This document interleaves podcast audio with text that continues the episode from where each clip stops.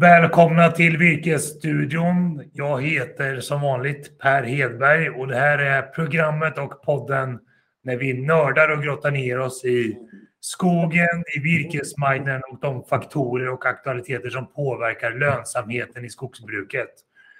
Eh, med mig har jag också Carl-Johan Moberg.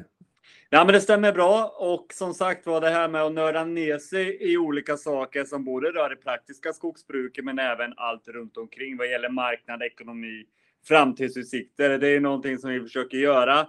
Följa det som sker ute i världen och där har vi bra samarbetspartner med den här podden och det är ju tidningen ATL och Ludvig och Company.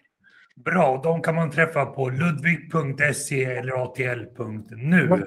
Det är en sak som vi tittar väldigt mycket på just nu, du och jag Per. Det är ju de här olika rapporterna nu som börjar eh, strömma in från bolagen. Kan inte du berätta lite kort vad du har snappat upp de sista dagarna? Nej, men, och det här är ju väldigt spännande tycker jag. Och givet då att vi 2021 hade ett rekordår för många av de svenska skogsbolagen så såg vi ändå under kvartal fyra att lönsamhetsnivåerna för de svenska sågverken, de gick ner lite grann i Q4. Men vi var ganska tidiga med att spekulera, du och jag Carl-Johan, om att de här marginalerna de ser ut att vara uppåt igen. För priserna på sågade trävaror de har ju vänt uppåt ganska kraftigt också i USA till exempel. Och vi fick faktiskt rätt och det får vi vara stolta över. Så vi ser nu i kvartal ett att lönsamhetsnivåerna för Södra Wood och för Setra till exempel som redan har rapporterat, ja, där går marginalerna upp för sågverken. Så att för Södra Wood så är nu marginalen uppe runt 30 procent igen och det är alltså otroligt höga rörelsemarginaler för sågverken. Så att de sågar verkligen till, kanske inte rekordpriser, men till otroligt bra priser. Och priserna har åtminstone inte kommit ner ännu, trots att vi är lite oroliga för vad stigande räntor och inflation skulle kunna föra med sig för byggkonjunkturen. Sen såg vi det förra året att sågverken var faktiskt mer lönsamma än massaindustrin. Men nu är ordningen återställd, åtminstone för södra. Så att nu är södra cell återigen mer lönsamma än sågverksrörelsen i södra Wood. Och det gör att södra cell, de har nästan en marginal mot uppåt 40 procent för kvartalet. Så det är ju det är hisnande marginaler. Så att sågverk och massabruk går väldigt, väldigt bra just nu. Och det ser vi också att det resulterar i högre virkespriser till skogsägarna. En lång lista av skogsbolag som höjde sina virkespriser de senaste dagarna bara. Så att allt ifrån norra Sverige och ner till södra Sverige och bland annat då södra skogsägarna har höjt sina priser. Så stora förändringar, positivt för skogsägarna när det här spiller över på vad vi får betalt för virket också. Ja, men det är det ju. Som, precis som du säger Per, så har det skett de här justeringarna i prislistorna. Men glöm för all skog i världen, om man kan uttrycka sig så. Det här är grundprislistor. Se hela tiden att jobba aktivt med en virkesaffär. Det finns mer pengar att få än de här prislistorna och då gäller det att du, att du jobbar med det som sagt var konkurrensutsätter. Men även att förbereda den här skogen som du ska sälja, virke du ska sälja. Se till att ha välplanerade trakter, ha ordning på ditt skogsbruk så även du kan få ta del utav den här konjunkturen som råder. Och det är intressant det du säger, för med, trots de här höjningarna vi ser på grundprislistorna så ligger de svenska prisnivåerna på virke långt mycket lägre än exempelvis de baltiska, polska och tyska virkespriserna. Så på exportmarknaden för virke så får man mycket bättre betalt. Och där kan man se liksom en hundring upp per kubik på massaveden och ett par hundringar upp per kubik på sågtimmer. Så det är det är ett stort sug från exportörerna ut i Europa på svensk virkesråvara också. Och det är en sån där trend som vi ser framför oss att exporten av svensk virkesråvara, den borde upp givet att priserna är så höga i omvärlden. Ja, nej men det är det. Och sen är det klart, det blir ju en liten omställning också för att eh, med logistiken och hela den biten att få det här att flyta. Men det finns de företagen som har jobbat med det här i flera, flera år och är jätteduktiga på att både köra båt och järnväg från Sverige och det här går ju för fullt just nu och jag tror att det kommer att öka. Eh, och det här är någonting som ni skogsägare som lyssnar på det här verkligen ska försöka ta del av. Nej, men så är det. Vi kunde läsa i tidningen Skogen ganska nyligen om en skogsägare som använde virkesbörsen för att konkurrensutsätta sitt virke. Nådde just en sån här exportör och gjorde en väldigt bra affär som man tjänade mycket pengar på jämfört med de svenska priserna. Så att stora skillnader på den inhemska och den utländska marknaden för virke lite orealistiskt eller onormalt stora skillnader så att de förklaras inte bara av logistikkostnader mellan marknaderna heller. Sen tänkte jag bara, Carl det är intressant för nu rusar ju gaspriset i Europa. Polen, Bulgarien har fått, eller de får ingen mer gas från Ryssland och det är klart, det, det ligger väl i korten att i EU ska vi sluta använda rysk gas helt och hållet. Det gör att priserna stiger för energi, gas och det driver på kol och det driver på elpriset. Så att de svenska kraft och värmeverken har kört sina elturbiner så mycket de bara förmår.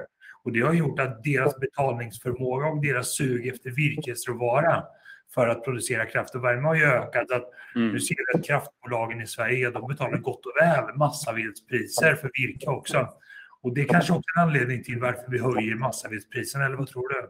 Ja, nej men det tror jag. Man måste vara med och takta där och hela den här bristen på... Det har ju haft varit ett stort överskott på energi, ved eller rundved och grot också. Men det har ju ätits upp under vintern och sen nu då när priserna skenat på de andra bränslesorterna och svårt att få tag på sopor på de värmekraftverken som eldar det. Och vi vet ju också att det tillverkar utav till exempel pellets då till kanske mer konsumentbruk. Där de har också problem att få tag på, på råvara. För kutterspånet är ju eftertraktat idag och till exempel så använder man det mycket i, i djurnäringen, hästnäring som strö och sådana saker. Så att det kommer ju också påverkas än mer på sikt tror jag att det kommer att bli dyrare att köpa kutterspån och ha och lägga i hästboxarna. För att det kommer att vara en helt annan konkurrens från de som eldar få värme och energi kring det hela. Och då är det ju redan dyrt att ha häst tycker jag. Eh, ja, det är väl ingenting man ska sträva efter att ha va? Men vi, vi, ska inte grotta för mycket där. Vi, vi kan väl säga det, vi arrangerar en kväll på tisdag den tredje i femte på tema då skogsbolagens rapporter. Och då har vi med oss Södra Skogsägarnas VD Lotta Lyro, VD för Holmen Timber Johan Padel och sen har vi med oss Ikeas skogschef då, Ulf Johansson som ska hjälpa oss att förstå råvarumarknaden under Q1, priserna, men kanske viktigast då blicka framåt. Vad ska vi förvänta oss av resten av året? Och vill man vara med på den här kvällen, då kan man gå till virkesbohusen.se, scrolla längst ner och klicka på event så kan man anmäla sig där. Och det är helt gratis att vara med och det går bra att se eventet i efterhand också. Och tycker man att det var krångligt att hitta dit, då går det bra att sätta ett mejl också till info.virkesbohusen.se så hjälper vi er att hitta rätt så att ni kan anmäla er till kvällen. Exakt. Och Ulf Aronsson från ATL kommer också prata om krigets påverkan då på vår bransch.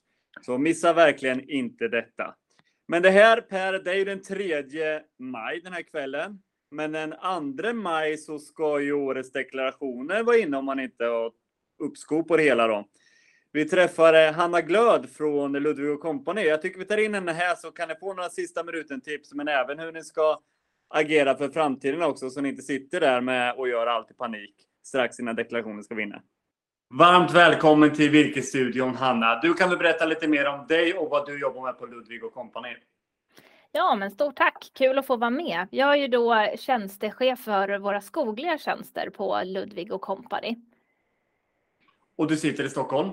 Ja, men precis. Sitter i Stockholm. Precis. Vårt huvudkontor där.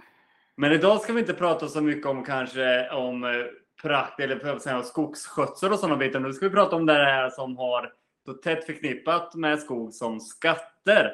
Och det är ju faktiskt så att det är ju verkligen deklarationstider nu. Och är det några nyheter som du vill skicka med till eh, markägarna att hålla koll extra på? Ja, det är väl lite tråkigt. Vi har inte så mycket nyheter i år. Inte som man kanske behöver tänka med som eh, skogsägare. Det kanske många skogsägare tycker är skönt att det inte är massa nytt att hålla koll på. Så kan man ju också se det.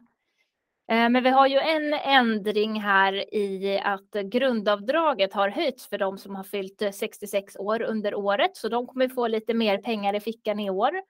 Men det här är ju ingenting som man behöver hålla koll på själv, utan det sker ju automatiskt. Så det är bara att eh, de som är över 66 kommer ha lite mer pengar i slutet av deklarationssäsongen, så det är ju kul. Som markägare är det ju verkligen viktigt att hålla koll på det här, men vad vill du skicka med hur man ska tänka och hur man ska agera då? För skatt ska man ju betala, men man ska betala rätt skatt också. Ja, men precis. Nej, men jag skulle säga det viktigaste det är väl att eh, man är ute i god tid och att man har koll på alla sina papper. För det är väldigt många som har, ja men under året, man kanske har slarvat lite, man har någon, eh, någon kostnad som man inte har något, något underlag på. Det är inte bra. Ett underlag på alla kostnader och alla liksom intäkter, allting man ska ha med i sin bokslut och deklaration ska man ha underlag på.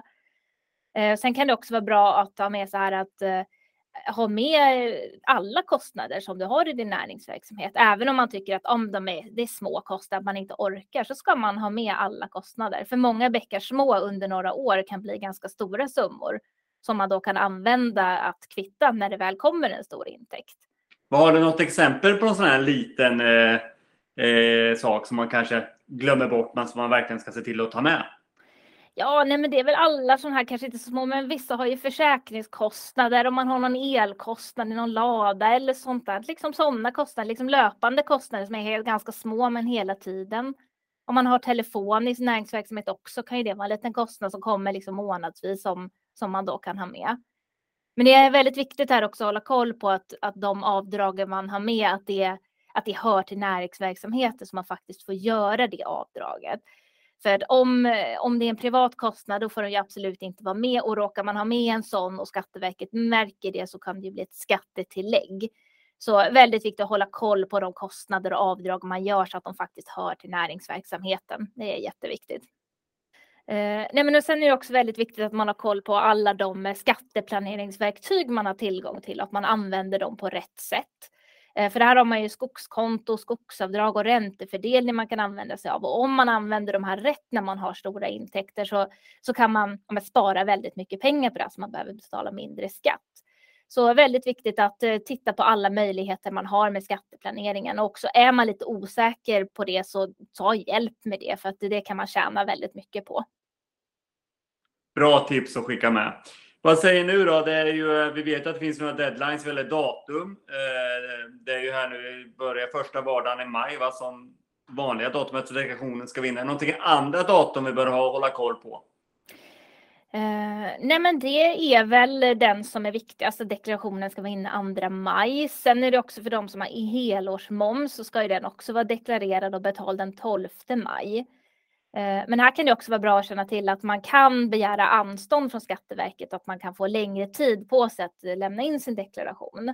Eh, men då måste man ha ett särskilt skäl också. Men har man det så kan man få anstånd till eh, 1 juni och få lämna in. Och det kan ju vara väldigt bra om man har några komplicerade förhållanden i sin deklaration, om komplicerade inkomstförhållanden som måste redas ut så har man den möjligheten att ha lite längre tid på sig. Men då ska man också ha med sig, då kanske man inte får, om man ska få tillbaka på skatten, då kanske man inte får den till, till midsommar och sånt där, utan då blir det även längre bort. Nej men precis, då blir ju allting fördröjt där. Så vill man ha restskatten innan midsommar, då är det ju då är det viktigt att man gör det i tid.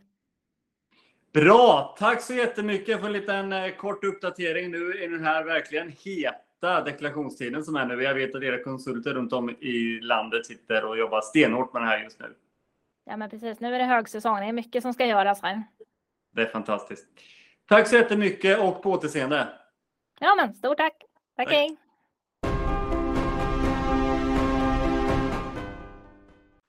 Tack snälla Hanna Glöd för de tipsen. Jag tycker att det bästa tipset är att redan nu när man gör årets deklaration, och det kan ju vara tråkigt, men börja planera inför nästa deklaration.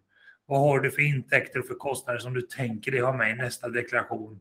Och låt det också vara med i planeringen för hur du ska sköta din skog. Vad ska du avverka? Vad ska du återinvestera och så vidare? Ja, verkligen. Och får vi inte glömma, det har ju redan gått eh, fyra månader på det här året, så att eh, en del saker har ju redan förmodligen både köpts och sålts från din skogsfastighet.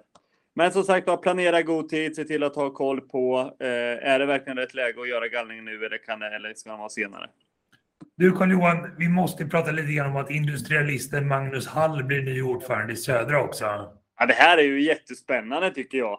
Att då den här kooperativa folkrörelsen då för skogsbruk då får en sann industrialist som, eller som ordförande. Mycket spännande.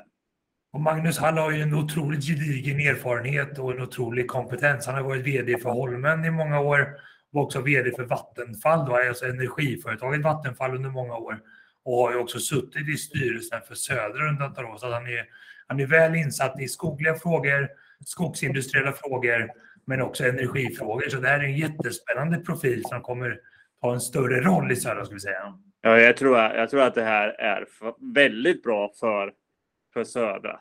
Att, att få in den här kompetensen som man besitter. Och sen får väl du och jag som östgötar vara extra glada också att än en gång så är det en östgöte som blir ordförande i Södra. Det är väl den fjärde på rak nu tror jag faktiskt.